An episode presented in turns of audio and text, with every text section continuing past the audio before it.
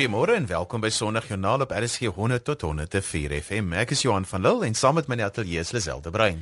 Goeiemôre. Jy kan maar 'n streep deur Februarie trek want hy lê nou op sy rug. En op die kerkkalender is ons nou in lydenstyd, maar vandag gesels ons met gelowiges oor hulle plek in die besigheidswêreld. Professor Piet Nodee gesels oor watter soort leierskap ons in besigheid nodig het en Melanie Vosloo bespreek die vrou se plek in die besigheidswêreld.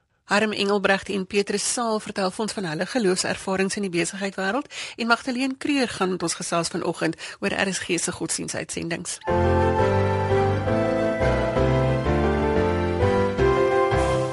Professor Piet Nodee is direkteur van Universiteit Stellenbosch se bestuurskool en het min bekendstelling nodig, maar vir die doeleindes van vanoggend se gesprek moet ek noem dat hy professor was in etiek en dat hy 'n kenner is op die gebied van entrepreneurskap, sakebestuur en wat nodig is vir etiese leierskap. Goeiemôre Piet. Goeiemôre Lisel en al die luisteraars ook. Piet, as ek so voor op die wa kan wees om jou eie woorde te gebruik. Ons leef in ongekende tye wat ongekende leierskap verg. Waar begin ons as Christene vandag in hierdie tyd om 'n verskil te maak in jou besigheid? Met die gebeure onlangs in die parlement, as ons kyk na die kompetisie se kommissie se verslae oor wat in die sakewêreld aangaan, insluitende ons medisy, as ek kyk na die disfunksionaliteit in leierskap in veral die sosiaal sensitiewe sektore van die publieke sektor, ek praat spesifiek van skole, as ek kyk na universiteitsleierskap waar ons 5 universiteite het wat basies onder administrasie is, dan kry ek tog die indruk en as natuurlik subjektief dat ons werklik sit met 'n ongekende leierskapkrisis. En waar ek ry in die land sê mense vir my, as ons net leierskap gehad het, dis asof daar 'n soort van 'n vakuum op die oomblik is en mense het werklik 'n diepe behoefte dat iemand opstaan en sê kom ons doen dit of of dit is nou belangrik dat ons dit doen. En kom ons hou dan daarby. Nie heeltyd planne maak en en dit nie uitvoer nie. So maar ek sê weer dit mag subjektief wees maar my gevoel is op die oomblik het ons het ons werklik in Suid-Afrika 'n baie spesiale tyd. Dink 'n swaar tyd en daar is op ons as Christene dan spesifiek 'n geweldige verantwoordelikheid. Nou kan mense 'n hele preek maak oor wat ons as Christene kan doen. Ek ek dink die eerste belangrike ding is om in jou eie hart duidelikheid te kry oor waar God jou roep om te dien. Die verskil tussen iemand wat nie 'n Christen is nie, wat nie in 'n geloofsperspektief kyk nie, en iemand soos ons en ander wat deur die Here se genade Christene geword het, is dat ons werk is vir ons 'n heilige plek jy gaan in die oggend opstaan om jou baas te vermaak of hom of haar goed te laat voel nie. Jy staan op in die oggend omdat jy glo hier is my roeping of ek nou 'n onderwyseres is met 'n graad 1 klasie en of ek die basis van 'n groot maatskappy of ek 'n gemeente ergens op die platteland moet lei. Dit is waar die Here my geroep het en hier doen ek alles wat ek doen soos die Bybel sê, soos vir die Here en nie vir die mense nie. Ek dink dis al 'n goeie begin, want baie mense voel so ontmagtig dat hulle half lam in die bene raak en dan verloor jy jou energie om op te staan en te doen wat jy jou hand vind om te doen. Piet, waarop moet ons fokus? Jy's nou as as mens so vuisfoos is van al hierdie goeders wat rondom jou gebeur, waar gaan gaan diep jy uit? Waar gaan haal jy hierdie etiese goed wat jou op die regte pad hou? Wat ek ontstellend vind is dat ons navorsing wys dat as leierskap nie morele voorbeelde stel in die praktyk nie. Mense is nie eties of nie korrup nie omdat hulle noodwendig, jy weet, goeie beginsels het of selfs Christene is nie.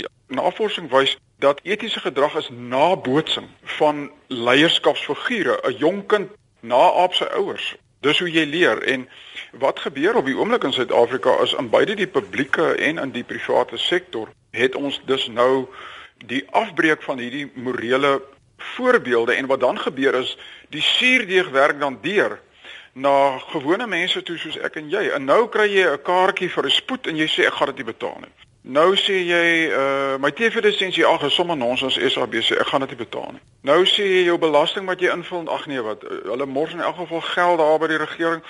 So wat gebeur is jy kry 'n totale gees van anomie sê die geleerdes, dit beteken wetteloosheid waar jy waar jy ook dan maar besluit rather join them. So ons eerste taak moet wees om nie afhanklik te wees van wat ons om ons sien nie, maar 'n locus van diep evangeliese verbintenis te hê aan goed soos waarheid, deursigtigheid, eerlikheid.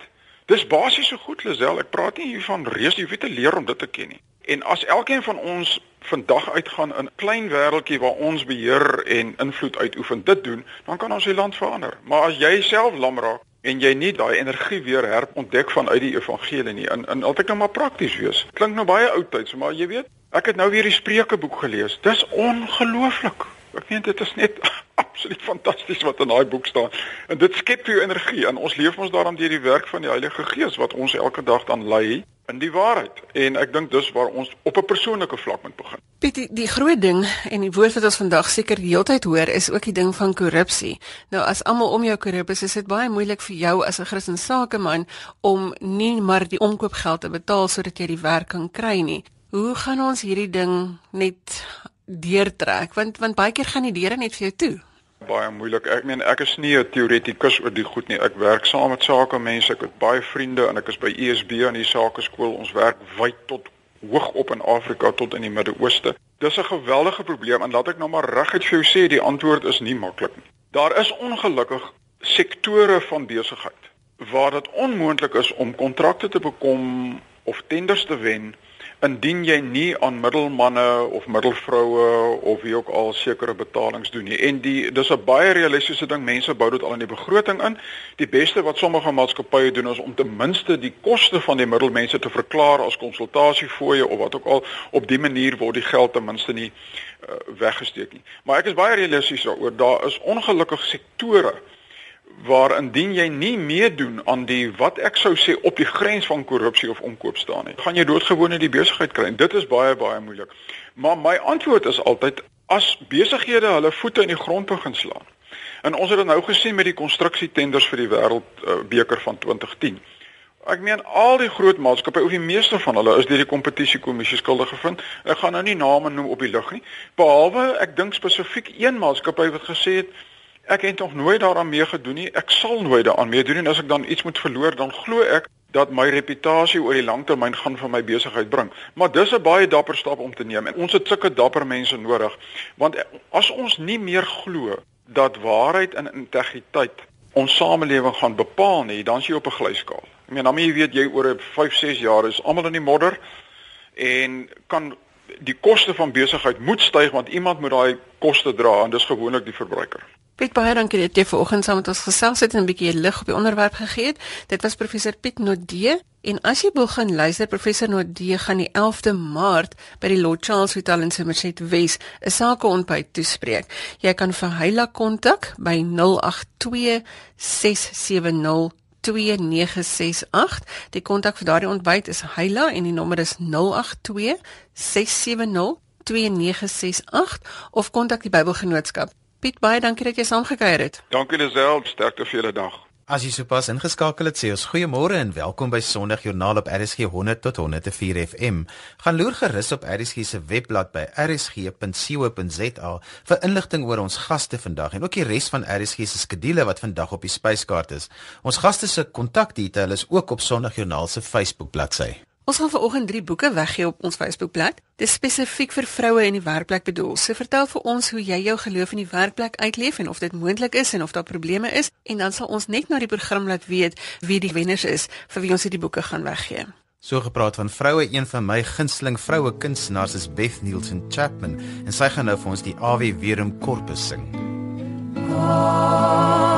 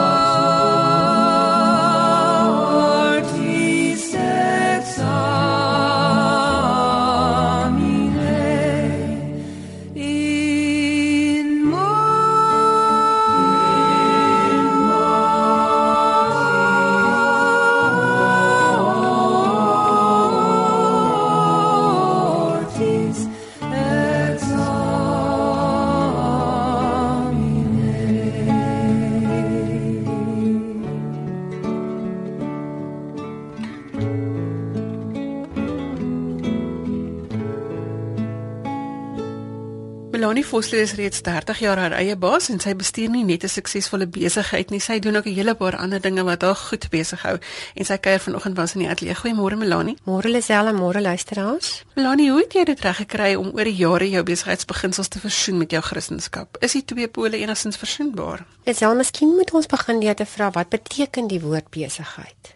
Is die fokus van besigheid net om geld te maak of gaan dit ook oor die uitleef van my talente, die vol van 'n leemte in die mark? Doen ek besigheid om werk te skep en 'n verskil in mense se lewens te maak? Of is besigheid juis al hierdie dinge saam? Want as dit my ingesteldheid is om my Godgegewe talente so uit te leef dat ek die wêreld op verskillende maniere beter plek maak en 'n verskil maak in mense se lewens, dan verander die aard en wese van besigheid. As ons dan tweedens vra waaroor gaan Christendom? As die manier hoe ek my Christendom leef weier strek as om net kerk toe te gaan en ons Bybel te lees, ja, as my Christendom gaan oor die uitleef van my liefde vir my Vader, dan word Christendom mos ook iets anders. Dan is dit nie net 'n een keer 'n week oefening of 'n geforseerde afdruk van sekere reëls nie, maar veel eerder word dit dan 'n spontane en opregte manier van leef. En dan vind geloof gestalte in die manier hoe ek my gewone lewe leef hoe ek werk en hoe ek besigheid doen. En wanneer ons dan hierdie twee uitgangspunte gebruik as definisies van besigheid en kristendom, dan is die twee glad nie pole van mekaar nie, maar dan is hulle juis versoenbare vennote wat mekaar aanvul en ondersteun dan kan ek objektiewe, sinvolle en soms selfs harde besigheidsbesluite neem en 'n wonderlike suksesvolle onderneming bestuur, maar dan kan ek dit so doen en uitvoer dat ek steeds die sagte hart van my Vader demonstreer. Lani, hoe sou jy sê kan 'n gelowige sy geloof in die werklik uitleef sodat dit ondersteunend is tot die besigheid sonder dat dit onnatuurlik of onopreg is? Is al geloof lê nie noodwendig in wat jy sê of wat jy verkondig nie. En ek dink die laaste ding wat 'n Christen behoort te doen is om dit tot voordeel van homself te gebruik of om 'n transaksie te beklink. Geloof is veel eerder 'n ingeweefde manier van dink en van doen en van optree. Dis as dit ware jou handelsmerk. En as geloof vir jou so deel is van jou ingesteldheid, dan sal jy ook sy wil soek in alles wat jy doen. Jy sal mense so hanteer dat daar iets van sy liefde wys en jy sal ook jou beste lewer. Kwaliteit gee en goeie produkte lewer wat gewoonlik tot goeie finansiële resultate ook lei. En wanneer geloof deel is van wie jy is, dan gaan jy ook spontaan sekere waardes deel maak van jou besigheid en dit dan uitleef. Goed, so kom ons sit gou ons sagte ingesteldheid net vir 'n oomblik links en dan gaan ek nou sommer reguit vra mag Christene geld maak. Dis wel, dis alles vir my so vreemd dat wanneer daaroor geloof in die werkplek gepraat word, die winsaspek bevraagteken kan word. En dis terwyl die Bybel vol verhale is van mense wat handel dryf en selfs die ideale vrou in Spreuke word onder andere besing oor haar sake vernuf en hardwerkendheid. Ook die psalmdigters en spreuke praat so dikwels oor die verantwoordelikheid wat ons het om so te werk dat ons vir onsself en ander kan sorg. Die manier hoe ek nogal hieroor dink is nie of Christene geld mag maak nie, maar hoe hulle dit doen. Hoe hulle mense laat voel, hoe hulle hulle vergoed en natuurlik ook of hulle regverdig, eerlik en gebalanseerd is oor die manier hoe hulle hulle onderneming bedryf en hoe hulle hulle winsgewendheid bestuur. En dan natuurlik, hoe spandeer ek die winste wat ek maak? Is dit net tot my eie voordeel of is dit ook tot voordeel van ander mense? Geef ons praktiese voorbeelde van hoe jy as bestuurende direkteur jou geloofsbeginsels in jou onderneming toepas. Disel, ek wil weer beklemtoon dat die vertrekpunt van geloof 'n natuurlike uitvloeisel moet wees van wie ek in en deur my Vader is en dat mense dit spontaan moet kan sien en voel en hoor. Alhoewel gebed en geloof vir my 'n deurlopende praat met God is, skep ons ook in ons onderneming gereelde gestruktureerde gebedsgeleenthede waar mense die keuse het om saam te bid. En dan bid ons nie net vir ons besigheid nie, maar ook vir ons personeel en hulle families, ons kliënte en ons ander sakevennote en ook vir enige iemand wat ons voel ons aan die Vader wil opdra. En dan 'n tweede ding wat ons as aandeelhouers en bestuur doen, ons leef en probeer ons waardes regtig prakties uitleef. En dit vind in gestalte in die hantering van mense om hulle met respek te hanteer. En wanneer ons agterkom dat een van ons daai waarde oortree, sal ons mekaar ook op 'n mooi manier daarop wys en jammer sê. En dan derdens gaan dit vir my daaroor dat 'n mens deurentyd in jou mense moet deponeer. Dat jy goeie en gesonde en opbouende deposito's in mekaar se lewens moet maak. Dit help dan vir daai tye wat mens wel met mekaar moet stoei en wat mens wel deur moeilike fases gaan in 'n verhouding.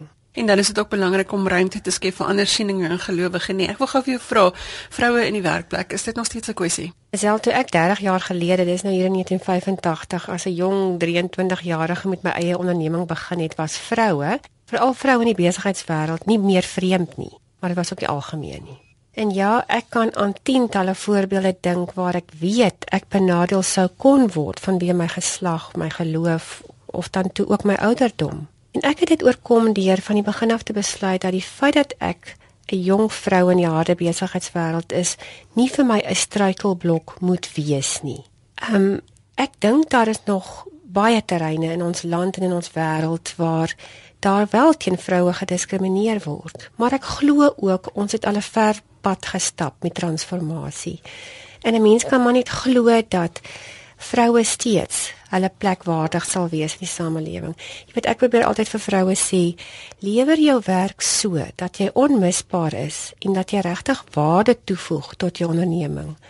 Dan is die kans goed dat jy geag sal word vir die werk wat jy lewer, ongeag jou geslag, jou kultuur of jou ouderdom. Melanie, laaste woord, ons wil afsluit oor geloof en Christendom.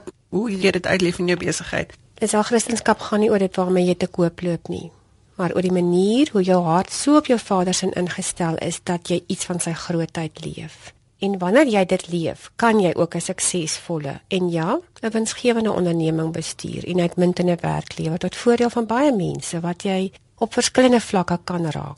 Ek kan met eerlikheid sê dat ek nooit in staat sou wees om 'n suksesvolle onderneming te kon bou as dit nie was vir my geloof nie. Lisel daar was duisende kere wat net sy lig my enigste hoop was. Maar ek is net so dankbaar oor die lewens- en verhoudingslesse wat ek juis in die harde besigheidswêreld geleer het, want dit het my op verskillende maniere gehelp om in my geloof te groei en om in my verhoudings te groei. So as jy my sou vra, is besigheid en geloof twee pole? Allermins. Dis eerder twee wonderlike pasmaats wat mekaar kan ondersteun en aanvul.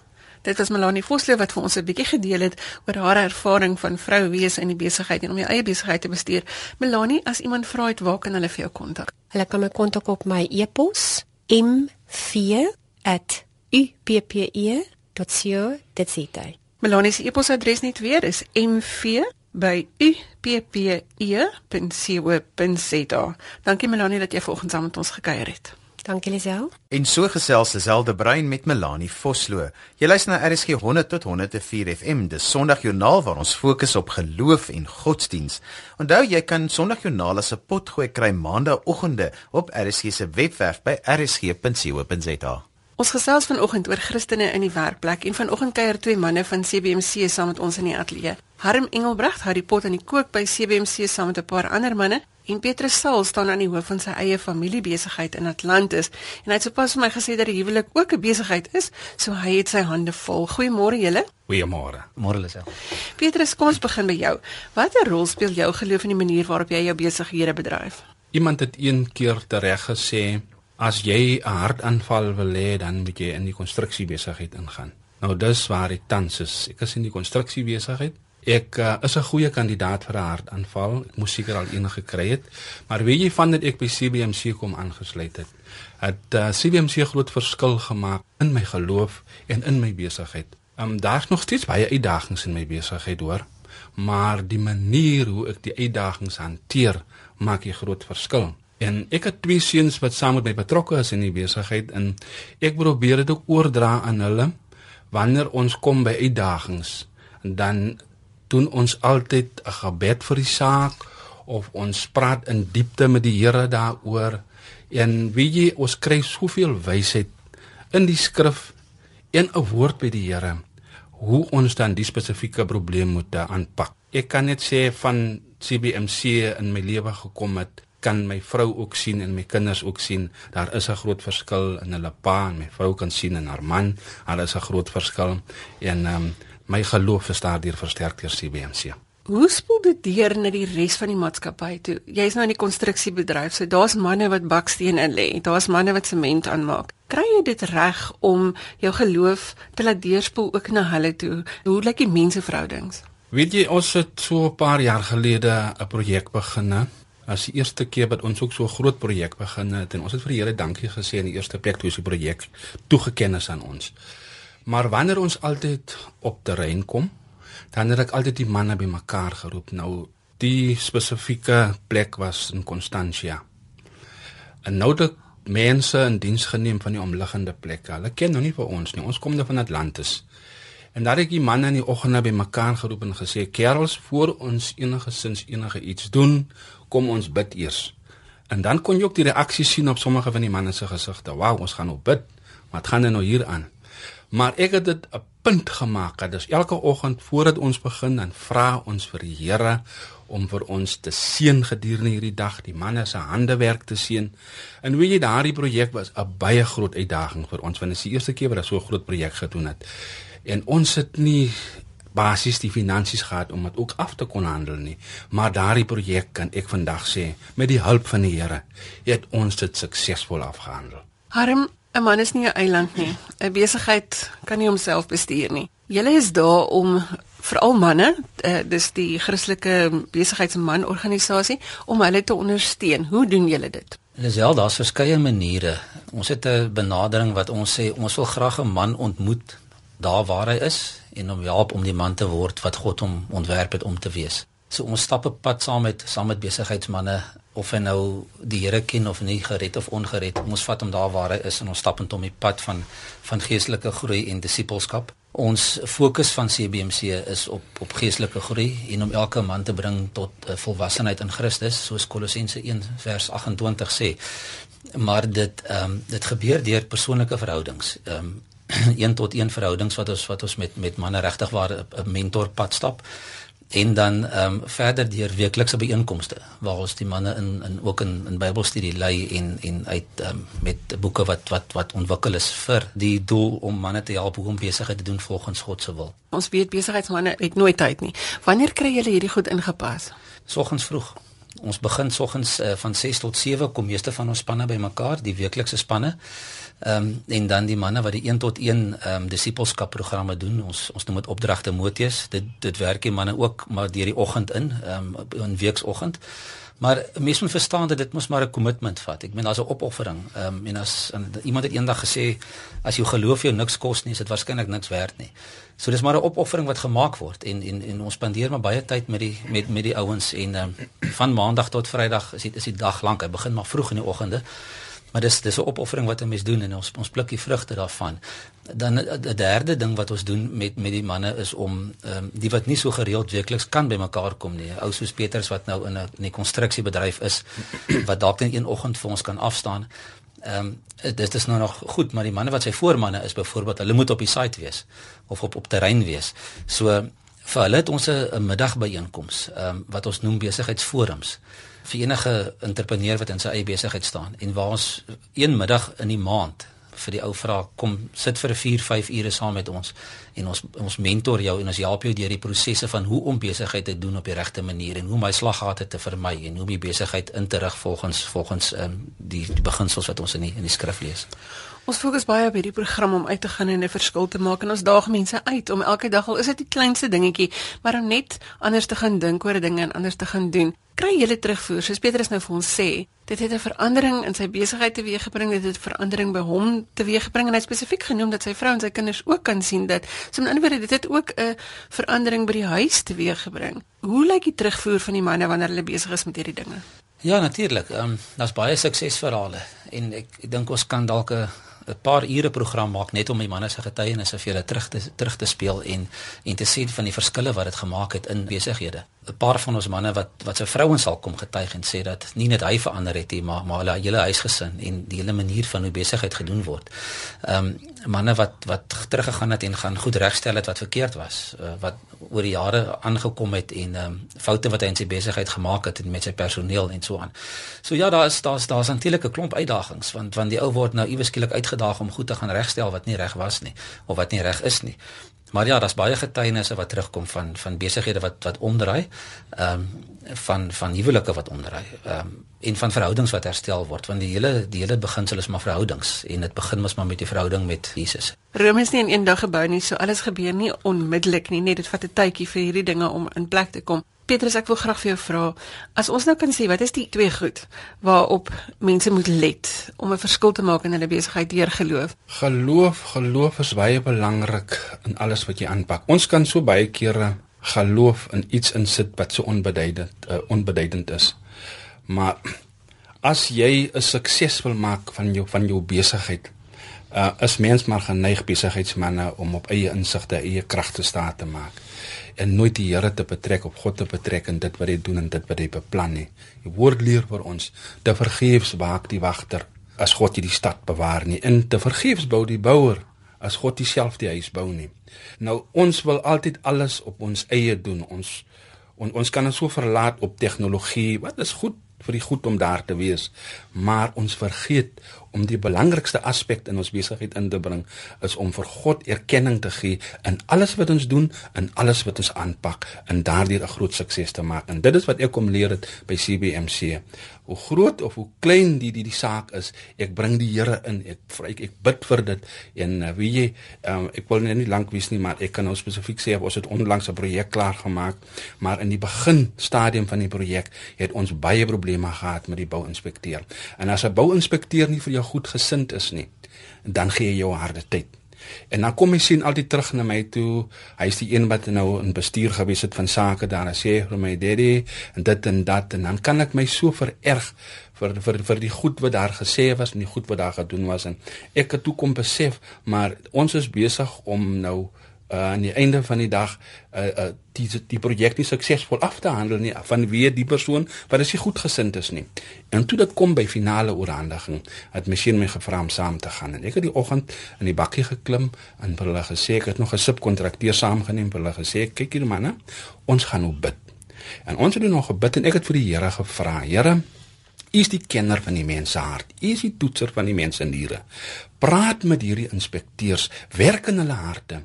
Dat wanneer ons nou vir oggend hierdie projek gaan afgee, dat hulle niks fout sal vind nie, en niks slegs sal sê nie of slegs iets slegs sal sien nie. Nie dat ek wil sê dat God hulle moet blindheid moet kom slaan vir gebreke in die gebou nie, maar dat God in hulle harte moet werk. En weet u, toe ons daar op terrein kom en ons stap in die gebou in, stap ek, maar ek stap so agter hulle, my seun stap teen op voor met die inspekteur en ek bid soos ek haar stap, ek bid soos ek haar stap. En hulle het hy oggend nie een fout gevind met ons vakmanskap nie. En na al die inspeksies gedoen was, het hy ons hand kom skud en gesê, "Wel gedaan, manne." Weet jy en ek het agterna vir die manne gesê dat aan God kom al die eer toe. Dit is nie die Here wat ver oggend hier saam met ons was. Die Here wat ver oggend saam met ons deur hierdie gebou gestap het en in hierdie inspekteur se harte gewerk het. En dit is wat ek ook tuis bring met my kinders. Hulle moet sien hoe God se krag werk in ons lewens en in ons besighede. En dit was 'n tasbare bewys vir my gewees. Harm, 'n laaste woord van jou. Wat is die een ding wat 'n mens moet saamvat in jou dag wanneer jy jou besigheid bestuur? Dis 'n moeilike ding vir mense om te verstaan, maar dis dat jou besigheid nie joune is nie. Dit behoort aan die Here en jy is slegs 'n instrument in sy hand. Jy sien 'n kanaal waardeur hy weer iemand anders wil seën. En ons is net rentmeesters van dit wat hy vir ons gegee het. So ek dink sodra mense daai kop skuif gemaak het om te sê dis nie my besigheid hier, dis God se besigheid.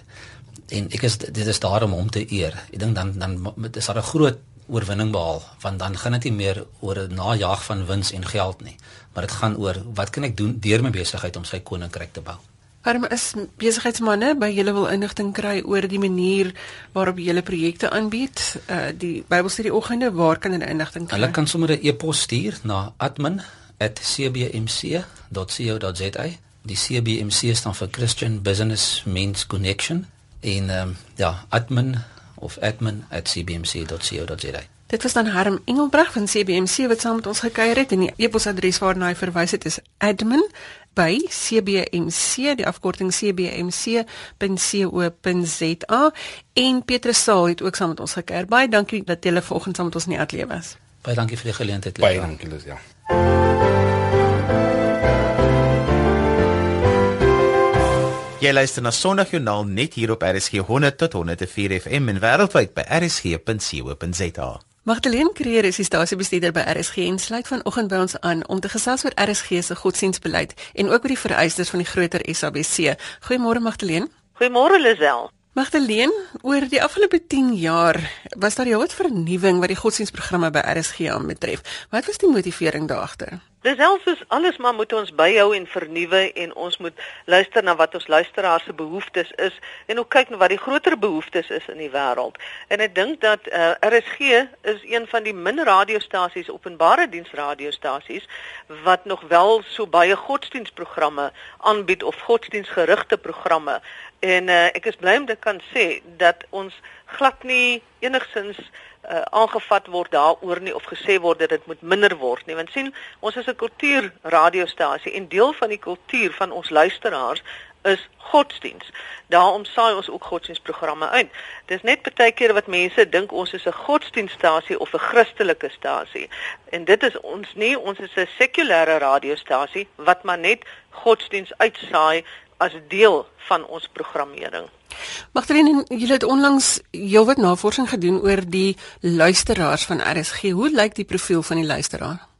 Dis baie moeilik om te sê as verskeie profile omdat ons uh, nie spesifiek net op een groep mag fokus nie in terme van ons lisensie nie en die feit dat ons openbare diensradio is nie. So is 'n groot verskeidenheid van die wieg tot die graf, mense met verskillende godsdiens ehm um, beskouinge, mense met verskillende politieke oortuigings, ideologiese oortuigings, kultuuroortuigings, musieksmaak en so kan ek nou aangaan. Maar wat vir my nogal baie interessant is, is hoe die luisteraars ehm um, verander het in opsigte van wat hulle wil hê met betrekking tot godsdiens of godsdiensgerigte of soos ek dan graag sê religieus gerigte programme op die stasie. Jy weet ek is 'n uh, uh, baie aangenaam verras oor hoe kom ons sê maar gewone mense soos ek en jy al deel geword het van die debat wat baie keer in die godsdiens of in kerke aan die gang is. Jy weet daardie dae wat die die dominee of die pastoor of die imam die enigste persoon was wat kennis gehad het, is verby. Ons almal het nou toegang tot 'n leesstof in verband met godsdiens of religie of die Bybel of die Koran uh of die Torah op die internet. So ons het al ons eie opinies en ons begin nou om dan daardie opinies 'n bietjie te lig. En dit is wat vir my baie goed is dat mense nie alles sommer net so vir soetkoek opeet en net so ervaar nie. Nou met ons programmering probeer ons ook kyk na die verskillende ehm uh, fases van die religie waar mense is. Daar's mense wat nog baie by die tradisionele godsdienste is. Daar's mense wat baie krities oor godsdiens is.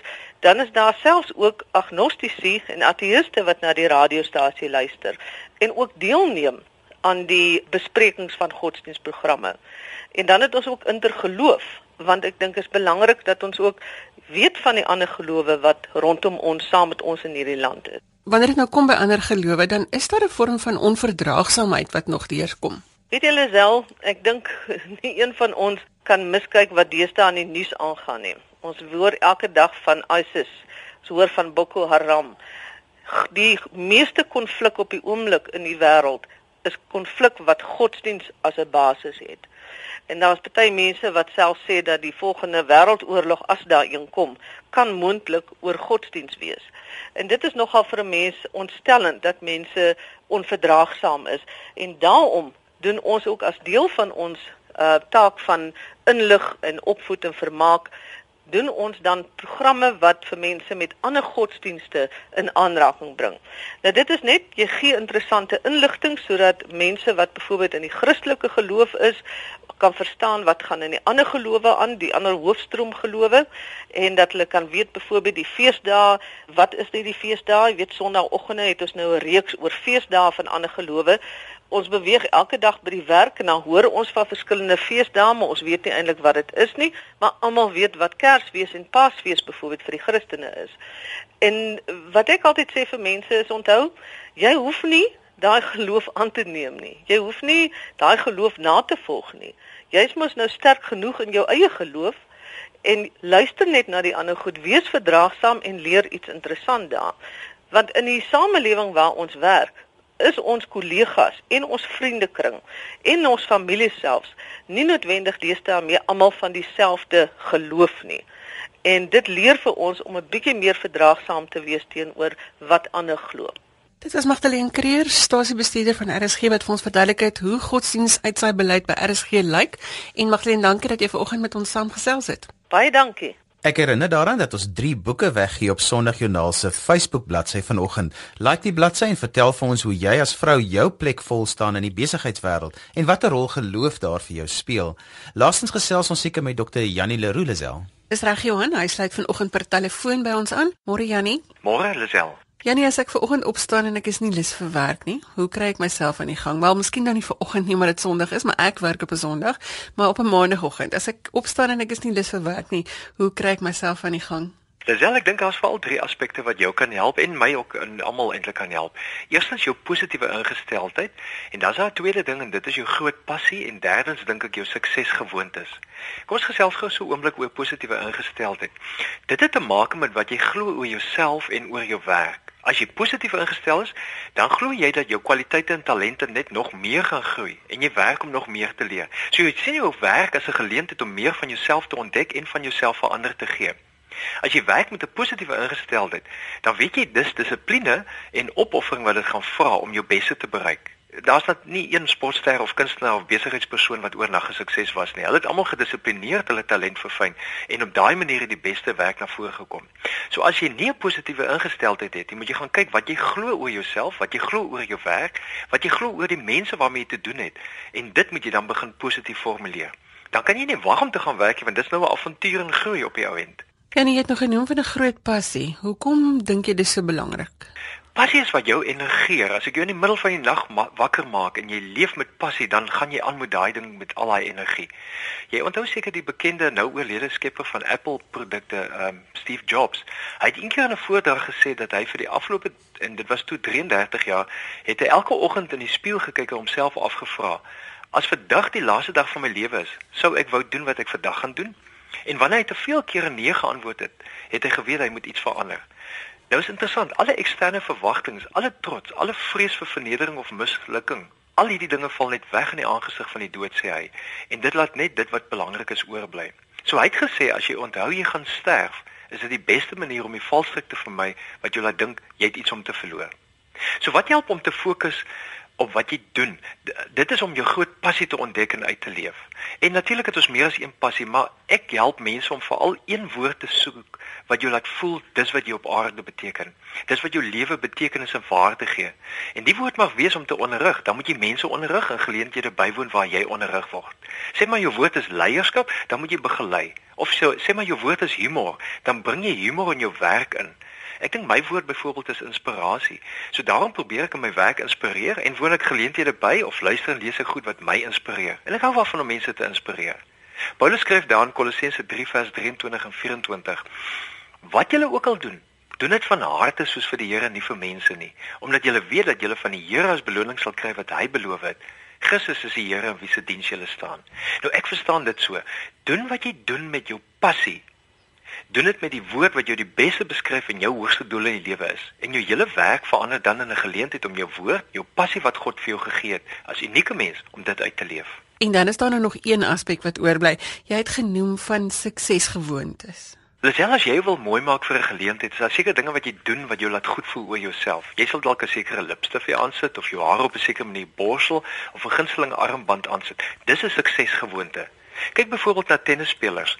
Daar's veral een wat haar rug gereeld op die opponent draai na hou en dan na die agterkant van die baan loop met 'n sekere aantal tree, omdraai en dan naderkom. Elke wedstryd, na elke hou het sy daai ritueel. Dis 'n suksesgewoonte. So 'n suksesgewoonte is die ritueel wat jy volg om jou in die regte posisie te plaas om jou beste te lewe. Ehm um, ontwikkel vir jou suksesgewoontes wat jy voor jou werk, tydens jou werk en na jou werk doen en dan kan jy jou beste werk doen.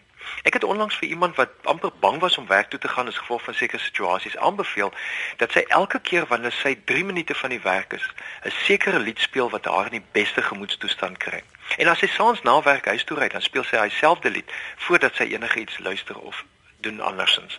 En en daai goed help jou om weer in fokus te kom. So leer byvoorbeeld om elke keer as jou foon lui vir die Here dankie te sê vir iets of vir die persoon wat jou bel, want dankies laat jou fokus op oorvloed op moontlikhede en dit help dat jou brein die hele tyd wegkom van die oorlewingsmodus wat net fokus op veg, vlug of vries. Dit beteken ek gaan heeldag dankie sê, wat seker nie 'n slegte ding is nie, Jannie. 'n Laaste inspirasie gedagte van jou asseblief. As jy sê net maar 90 jaar oud gaan word, hoeveel Kersfeeste het jy nog oor? Sê net maar jy het 40 oor of 50 oor. Dis net 40 of 50 periodes wat jy oor het om jou beste te wees, soos God jou bedoel het. So kies om nie net te bestaan nie, maar regtig 'n lewe van betekenis en impak te leef. Jy het net hierdie tydjie. Jannie, baie dankie vir jou positiewe woorde vanoggend. Kan jy so vinnig vir ons jou kontakdetail gee? Persoonlik kan my kontak by Jannie by jannieleroux.co.za. Dit is Jannie by jannieleroux alles een woord.co.za. Dankie vir jou goeie gedagtes vanoggend Jannie en lekker week vir jou. Baie dankie. daarmee dit tyd geword vir Sondagjoernaal om te groet. Volgende Sondag maak ons weer so wanneer ons kyk na die belangrikheid van netwerke en mekaar ondersteun. Tot dan van my Liselde Brein. Totsiens. Ek groet ook namens produksieregisseur Neil Roo agter die kontroles. Ons speel uit met Salve Regina nog 'n stuk musiek van Beth Nielsen Chapman. Tot later vandag van my Johan van Lille. Totsiens. Salve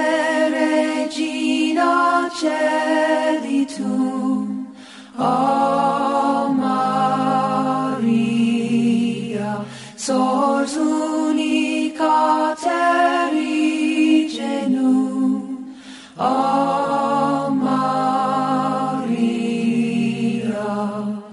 jubila te exultate se sonante perpetuum.